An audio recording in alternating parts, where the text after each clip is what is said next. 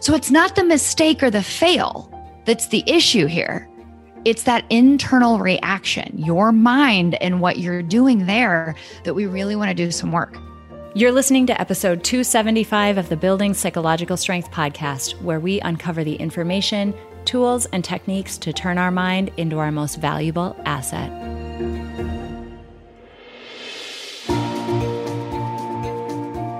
The courage to face fears with persistence. Being able to be present enough in this moment to choose my response thoughtfully. We have the strength to bend to life stressors, to bend to adversity without snapping, without breaking. There are only six things that contribute to our quality of life, and they are all experiences. In every moment, we are deciding who we want to be and how we want to live our lives. Noticing what your brain is doing and then being able to make choices. Mobilize the things that we know lift us up. Hello, everyone, and welcome back to this episode of the Building Psychological Strength podcast. My name is April, and I'm your host. And I'm super pumped that Ashley's here today because we have an awesome topic. A really good one that I'm excited to dive into. So, I was perusing our past episodes and I was looking at which ones of these resonate with you all? You know which ones get downloaded the most? Uh, which ones are more popular than others? And one topic came up that you know we covered at a high level but there is so much more under the surface that we could go into. And that topic is self-care so in particular the episode that i'm thinking about and i can link to it in the description if you if you want to go back and listen to that episode but in particular, that episode, we went through our approach for self-care specifically the self-care pyramid. So a lot of um, you know folks out there in social media land especially talk a lot about self-care as being um, you know bubble baths manicures that type of thing. And although those things are nice and luxury things like that are lovely and wonderful and definitely needed it's not the comprehensive look at self care that we take in our programs right. and in our content. So, if you want to know more about how we think about self care in a robust way, um, check out the episode that is linked in this episode description. You can get more information, learn about the self care pyramid, go a little deeper there. Today, though, what I wanted to do is dig into a topic that is very related to self care, you can think about it as a precursor. This topic or this, this, um, I don't even know what you want to call it. Isn't it an action? What is it? This uh, this way of treating ourselves, let's say. That's a good way to put it. Yeah, this way in yeah. which we treat ourselves, this relationship maybe that we have with ourselves mm-hmm. makes it either significantly more or significantly less likely that we will take care of ourselves or practice self care. And that topic is self compassion. And I'm so, so if you've ever struggled with that idea of self care and do you deserve it? Are you worth it? How to fit it in without feeling guilty. This episode is for you. The yeah. self compassion uh, as the the precursor, right? I've seen so many people and worked with so many people who this idea of self care just becomes another source of guilt. It's another thing I'm not doing, another way to beat yourself up, and so we're gonna really get into the weeds with that one today. Mm-hmm. Yeah, I love it. Where I want to start is this notion of a precursor. So, you know, we encounter hardship in life. We're, I mean, mm-hmm there's the bottom line of all of this is that we are all human, which means we are not perfect, which means in a lot of situations, whether it's relationships, maybe in the way that you are um, engaging with your kids, maybe it's in a way that you maybe had an argument with a significant other, um, maybe it's a way that you performed or underperformed at work. We mess up sometimes, or we mm-hmm. don't live up to our own expectations. And that happens quite often. And in those situations, we have a choice, right? Like we have a choice about how we want to react to one another. Now, Ashley, I would love for you to Mhm. go with like, what is the most typical? Like when people come to you, especially, what do you hear? What do they do in those situations? Oh, it's it's some version of unhelpful thoughts. And and, and so I want to hit a point before I kind of get into that of just one of the biggest things that I that I do in my practice and that we do through Peak Mind is helping people understand the role that your mind plays in your experience. And so um, I'm going to give a super quick example of this because it's not the event that happens; it's how we react to the event. So think about it. Um, I get this is the example I like to use with teenagers, right? Imagine I'm walking along, I walk past a group of kids and they all start laughing. And I think, oh my gosh, I can't believe that they're laughing. I thought I looked really cool today, but maybe this outfit sucks. Maybe they're laughing at me. Right. And I'm Mm. gonna feel anxious and insecure. I'm gonna it's gonna lead me down a path, right? Or I walk past a group of kids, they all start laughing, and I think, well, they look like they're having fun. That's my kind of people. I want to meet them. I have a very different Ah. response, right? So I'm pointing this out to say it's not the group of kids laughing, it's how I responded to it, That's so That- good. right? So it's not the mistake or the fail that's the issue here. It's that internal reaction, your mind and what you're doing there that we really want to do some work. Groups of kids are going to laugh. Mistakes and fails are going to happen. We got to change what we do when they happen to really get down a different path. That was so good. That was Awesome. awesome. Thank you. That's such a good example. No, seriously, I love that. Yeah. I, and the the awkward uh, adolescent April in me just loves that Right? because that was so me. Oh, yeah. I would have been the first one, hands down. Why are they laughing at me? Yeah. Yeah, for sure. But it is, it seems like it's our instinct then to go that route of Yes. jumping right to a judgment, a presupposition, a prediction, mm-hmm. all of the stuff that is beyond just what the situation calls for. We add that layer, and it's not very often a, a helpful, effective thing that we're no, doing. Not unless you've done some work, right? Because Wow. of that negativity bias, which I know we've talked about on other episodes, our brain has that tendency to skew negative. So we're going to go that direction unless you've intentionally built this self compassion piece. Yeah. Yeah. And that's a great point around okay, so if we take your awesome example of, you know, adding this layer or um, interpreting an event in a way that is negative and unhelpful. Mhm. Um, and when we say unhelpful, sorry, one one other piece here, we're using that word specifically because what we're doing is not trying to argue whether is that actually what happened? Yes or no? Is it true? Is it objective? What we're trying to say is, does that reaction that you have help you feel or behave the way that you want to feel or behave? Is it helpful Right. in getting you there? Well, and I like that, you know, group of kids laughing example specifically because we can't prove or disprove, right? Unless you walk up to them and say, What were you laughing at?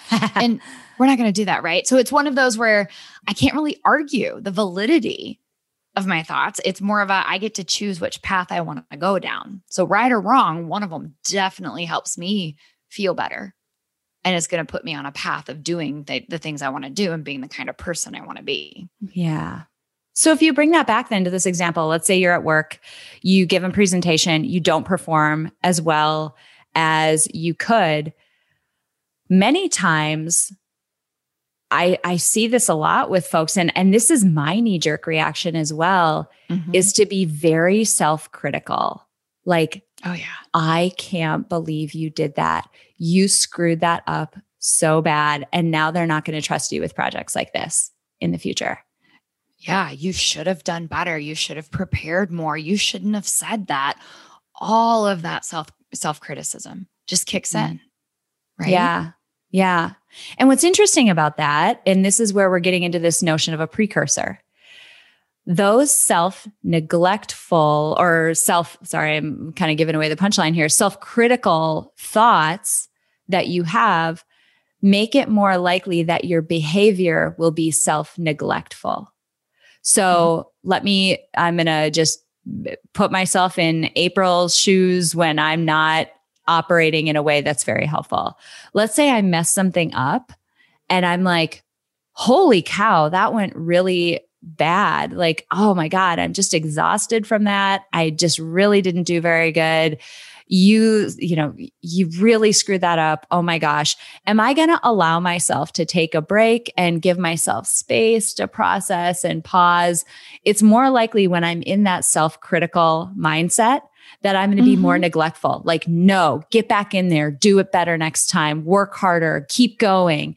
Like, you don't deserve a break yet because you haven't earned a break yet. You haven't done well enough in order to take care of yourself, is basically what I'm saying.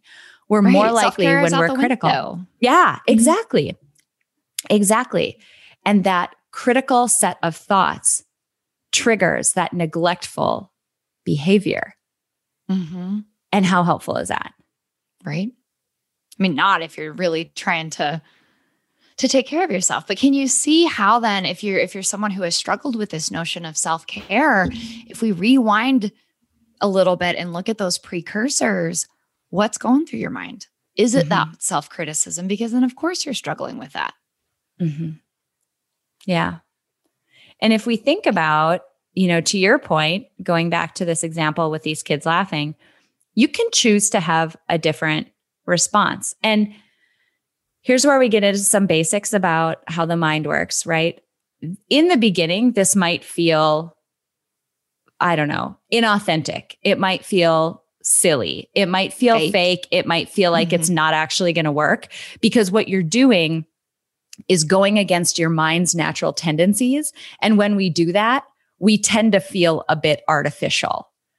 But what you're really doing is training your mind to, instead of being self critical, be compassionate to yourself, to take a different route, to do something that goes against what its um, natural tendencies mm-hmm. might be.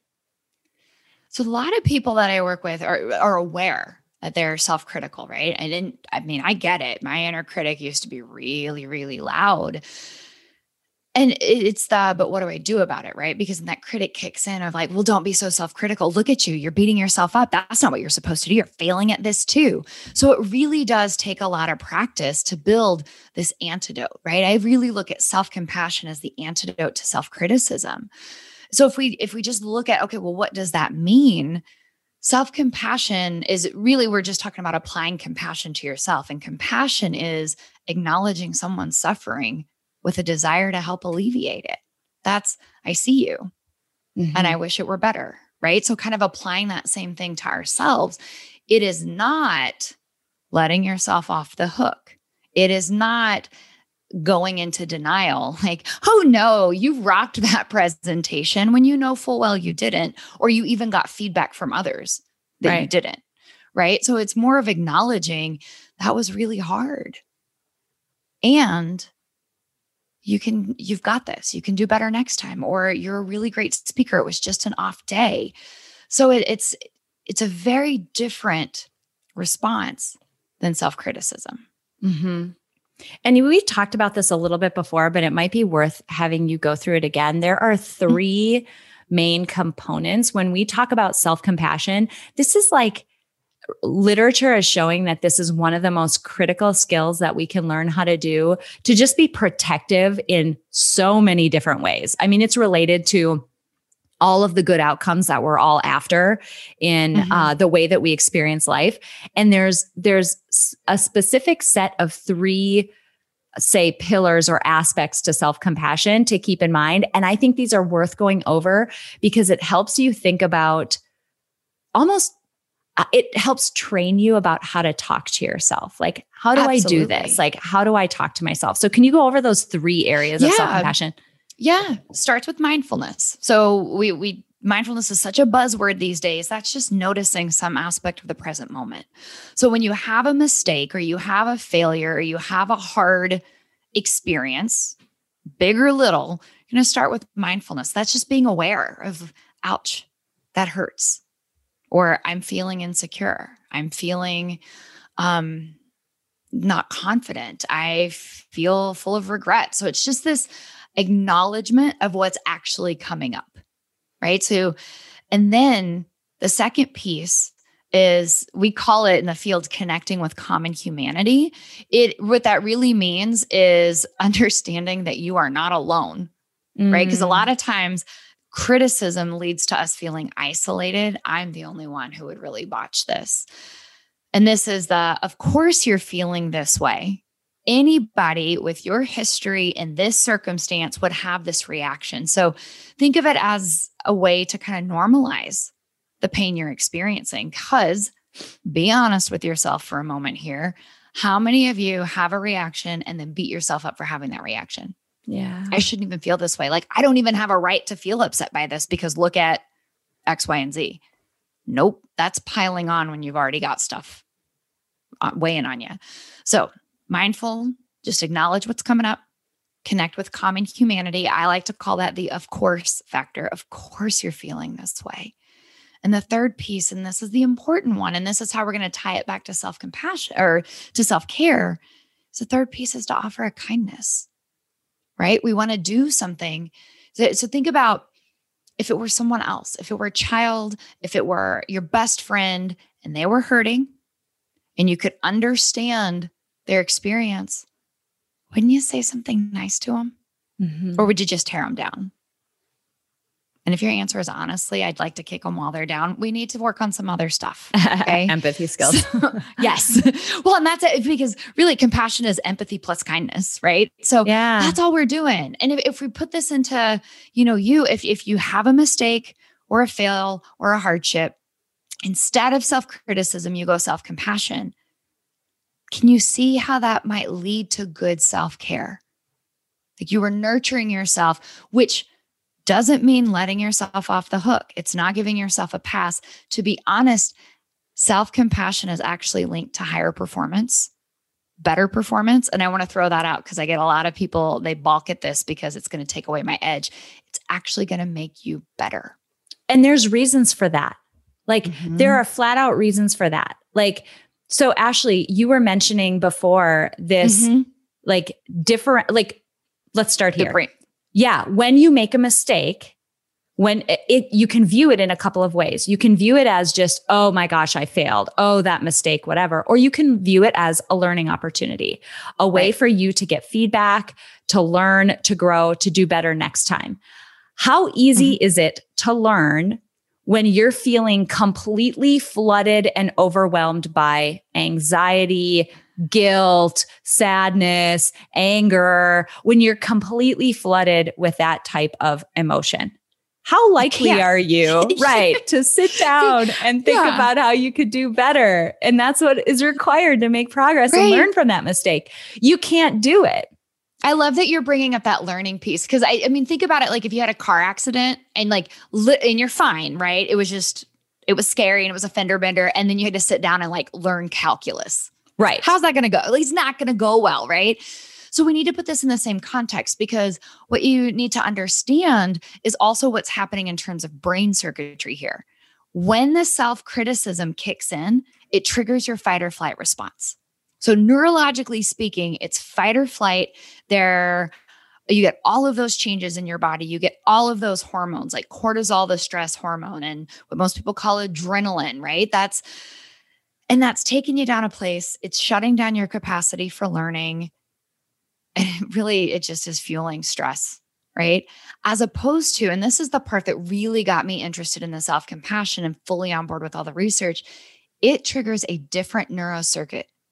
It triggers not the fight or flight response. It triggers what's called the mammalian care system. Hmm. You guys don't have to remember all of this, but what it does do is the hormones and chemicals that get triggered are dopamine and oxytocin. That's the feel good bonding hormone. When we're feeling safe and secure, we are able to be open and explore. So, back to your point, April, we are able to learn. So, then if mis- mistakes are going to happen, and I mean, I'm not trying to talk you into liking mistakes, but just saying, like, all right, how can we minimize damage? All right, being able to learn and grow from it would be a great way, right? So, this is also how it can lead to that enhanced performance and resiliency. I can bounce back better and stronger if we go down the self compassion route. Mm-hmm. And then I'm going to take care of myself. So then I'm going to nourish my body, mind, spirit so like I guess it's kind of the same emotions, social relationships, all of those different aspects to restore and recuperate so I'm ready to go again. Yeah. Yeah, I love that. And think about Yeah. what we're talking about here. It's this chain of events that is relatively simplistic when you think about it, right? Like a, a mm-hmm. difficult situation happens. I messed up on a presentation at work. And this triggers a set of feelings in our body, right? We feel stressed out. We feel maybe some regret. We feel some guilt, some anger at ourselves. And what we see in this, in this connection is that those feelings trigger a need. Like when we feel stressed mm-hmm. out, when we're overwhelmed, when we're feeling guilty, it triggers a need in our body. And that need typically is for rest, for reflection, for like mental space. Let me give myself the space and capacity to process what just happened. But the thoughts that we have make it either more or less likely that we will provide ourselves, our body with the need that it has that will fulfill that need. When we think about things like, I'm such a failure, I've totally screwed this up, I can't believe you, you should have done better, it's more likely that we'll go again down that self neglectful path and say, get back to work, go work harder. When really what our body is telling us it needs is some space to rest and reflect. And imagine mm-hmm. how different that is if we're in that same situation. We mess up a presentation at work. It triggers the same exact feelings, stress and guilt and anger and inadequacy and all of that. Same need for rest and for reflection. But what if instead we said, okay, I'm only a human. I didn't do it perfectly that time. Anybody who's in my situation would feel down right now. This is very normal and very natural. You're going to be okay. You're going to do better next time. You're much more likely in that state of mind to practice self care and to give yourself what your body is asking for, to allow yourself to rest, to reflect, and then ultimately to learn and get better from yeah, that I standpoint. love I love tying it into that need, right? Like and, and what you're saying here, and, and I think is really important to highlight, nowhere in that self-compassionate path did you try to tell yourself you didn't mess up. Like you're not denying reality. You're not trying to just be happy about it. You're really acknowledging this is what happened and this is how I'm feeling in response Mhm. to that. But you're also acknowledging your humanity, right? Your connection to humanity. And you're giving yourself that kindness, which is saying, hey, you have a need that needs to be met. yeah. So let's meet a need, right? right. And that's there's actually there's actually some really interesting um, research out there that gives you you know ways to sort of assess this in yourself. And we use this in a lot of the workshops and um, work that we do for groups who work with us.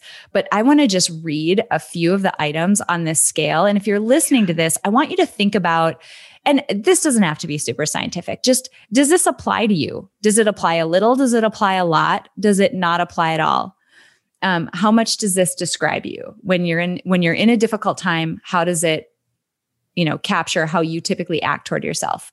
Um, i'm disapproving and judgmental about my own flaws and inadequacies. I think a lot of us can Uh-huh. resonate with that. How about when i'm feeling down i tend to obsess and fixate on everything that's wrong this is that piling on, Yep. right? Like, not only is Mhm. this wrong, but all of these other things are wrong too. And this is awful and it's never going to get better. We tend to just, the magnitude of it. Mhm. Mhm. Yeah. When I think about my inadequacies, it tends to make me feel more separate and cut off from the rest of the world. Like I'm the only Yep. one who screwed up like this. Everyone else is doing so much better than me. Mhm. And last one, just really quick. When I fail at something important to me, I become consumed by feelings of inadequacy. That's so Yep. tough. And when you think Mhm. about the fact that we take care of things that we love, right? Like if you love Yeah. your car, you love your car, you take care of your car. I love my car right now. I don't drive a fancy car. I drive a Mazda crossover sort of SUV type vehicle, but I love my car. I wash it all the time. I take care of it. I've had cars that I did not love. Did I take care of them? No, I did not. They were the furthest thing from my mind in terms of things I wanted to take care of. Silly example, but applicable. We take care Right. of the things that we love, and self compassion helps us cultivate that relationship of love with ourselves. Mhm. That's such a good point. And so, good as point. as we're wrapping up, I want you to think about just changing that. And this is one of those times where like words matter. All you're all we're Mhm. asking you to do is change a narrative. Allow it to feel artificial, fake, um, inauthentic at first. Allow that to happen. That's just your mind being mad that you're making it change a habit. It had a mm-hmm. habit in place that it thought it didn't have to, you know, deal with. And now you're making it do some work and change. That's why it feels that way. It just feels a little weird at first. But can you change the narrative that goes on in your mind when you're experiencing times of hardship? Instead of, I'm so stupid. I can't believe I did that. You know what? I did the best I could with what I had at the time. I might have made a mistake, but I'm only human, Mhm. right? Like, can we change the narrative? Can we tap into some of those aspects that you were talking about, Ashley? That common humanity is such a big deal because loneliness doesn't help anything. Nope. That just piles on. Can we tap into that and then allow ourselves to be in a position where we are meeting our own needs? And that's what this gets down to the crux of Yeah. Eating your that- own needs. that's such that's such an important part there right and if we tie self-care if we like circle it all the way back to the beginning and I, you and i have that shared soapbox that self-care is not bubble baths a tiny piece but it's a lot more than that self-care is really meeting your own needs mm-hmm. and taking care of yourself in a way that you can show up at your at your best Yeah. optimally it's We not a have this- Exactly. We have this piece where, I mean, imagine so many times it gets easier to think about these concepts when you imagine them in the context of speaking with a child. Imagine you had a child who came to you who was, um, who needed something, who was upset. They were like, and I, I when I this just almost brings tears to my eyes if I think about one of my daughters doing this. Mom, I'm hungry. Mom, I'm so tired. Mom, I need like if they need comfort at that moment. When we're self critical, what we're basically doing is looking at that kid and saying, You haven't earned lunch yet. Go work harder. You Mhm. don't deserve comfort yet. Stop crying. You should have done better. That Mhm. kills me to think about acting in that way to one of my daughters. But we do it without thinking to ourselves all the time. all the time it's just such it's a relationship that is worth taking seriously it's a set of needs that do not need to be earned you get to take Mhm. care of your own needs that you don't have to earn that Mhm. and that's where we get to with this where self-care as you said ashley is not a luxury it's not a non-nego it's a non-negotiable it needs to happen and the more we can do with these precursors of it Mhm. like self compassion, the better chance we have of actually following through on it, having it be more effective, and not feeling so dang guilty all the time Right. about having to justify it. Exactly. Yeah. Yeah. So I hope this was helpful. Good stuff. I Mhm. know. I love this topic. I hope this was helpful, everyone. I hope this gave you the motivation and energy to start thinking about how you can incorporate some of these things in your own lives. If you do, we would love to hear from you.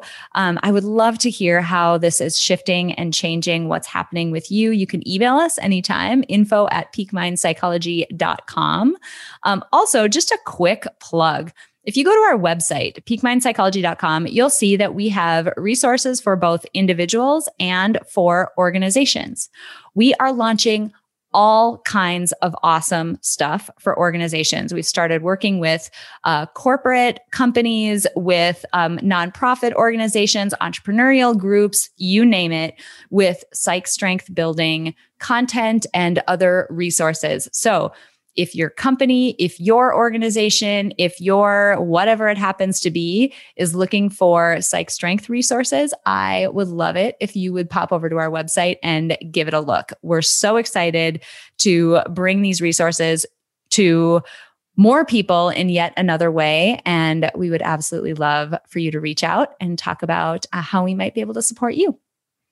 All right, friends, I hope you love this episode. We love this topic and it was so fun to dive further into it. This will not be the last time we talk about it, but uh, please go consider putting these things into action in your own life and reaping the rewards that come of it.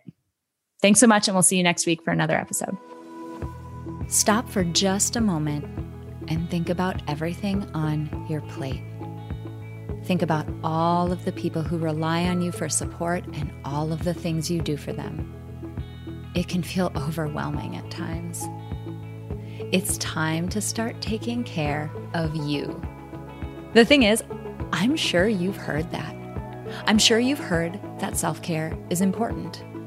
But most of the talk about self care that you hear focuses on things like bubble baths and manicures and I don't know about you, but I have never had a manicure good enough to help me feel calm, balanced, and at my best on a daily basis. The truth is, most people miss the key goal of your self care routine to support you in being your best. A true self care routine is designed to put you in a position to show up as your best on any given day. It's not haphazard or based off of some Instagram photo. It's not a carbon copy of anyone else's morning routine, and it shouldn't be guilt ridden. Rather, a self care routine is one that you feel good about doing, that fits into your life, and that's designed to get you a specific outcome. You feeling your best on most days. To help you do just that, we're excited to introduce our newest Peak Mind program, Self Care by Design. This program will take you through a step by step design process specifically tailored to help you get a clear picture of what you look like at your best. That's what we're designing for, after all.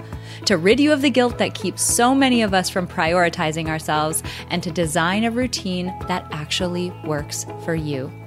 At just $29, this program is an absolute no brainer for anyone who's ready to support and prioritize themselves and their relationships with others around them. What would it feel like to show up as your best on most days? How would your most important relationships improve? How would your life improve? Visit peakmindpsychology.com backslash self-care to get all the details. It's time to make yourself a priority. Head over to peakmindpsychology.com backslash self care, get all the details, and enroll today. It's a simple fact that nearly everyone in the world could benefit from building psychological strength, but not everyone will put in the time and effort to do so. But today you did. Thank you so much for listening to this episode of Building Psychological Strength. Now, if you're interested in building the mental toughness, confidence, and resilience you need to thrive through life's ups and downs, visit us at www.peakmindpsychology.com. Also, if there's someone in your life who could benefit from this episode, please share it with them. And if you yourself found this episode valuable, meaning if you took away even one insight that you can use to build psychological strength in your own life, we would so appreciate it if you would drop us a rating and a review on iTunes. The thing is, the more ratings and reviews we have, the easier it is to get this powerful and important content out to the people who need to hear it. Remember, your mind can be your most valuable asset or your biggest liability, and you get to choose. So choose wisely, my friend. And I'll see you next time on Building Psychological Strength.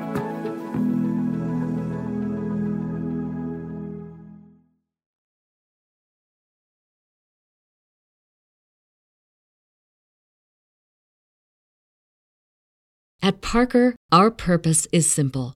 We want to make the world a better place by working more efficiently, by using more sustainable practices, by developing better technologies. We keep moving forward. With each new idea, innovation, and partnership, we're one step closer to fulfilling our purpose every single day. To find out more, visit parker.com/purpose. Parker, engineering your success. As humans, we're naturally driven by the search for better. But when it comes to hiring, the best way to search for a candidate isn't to search at all. Don't search, match with Indeed. When I was looking to hire someone, it was so slow and overwhelming.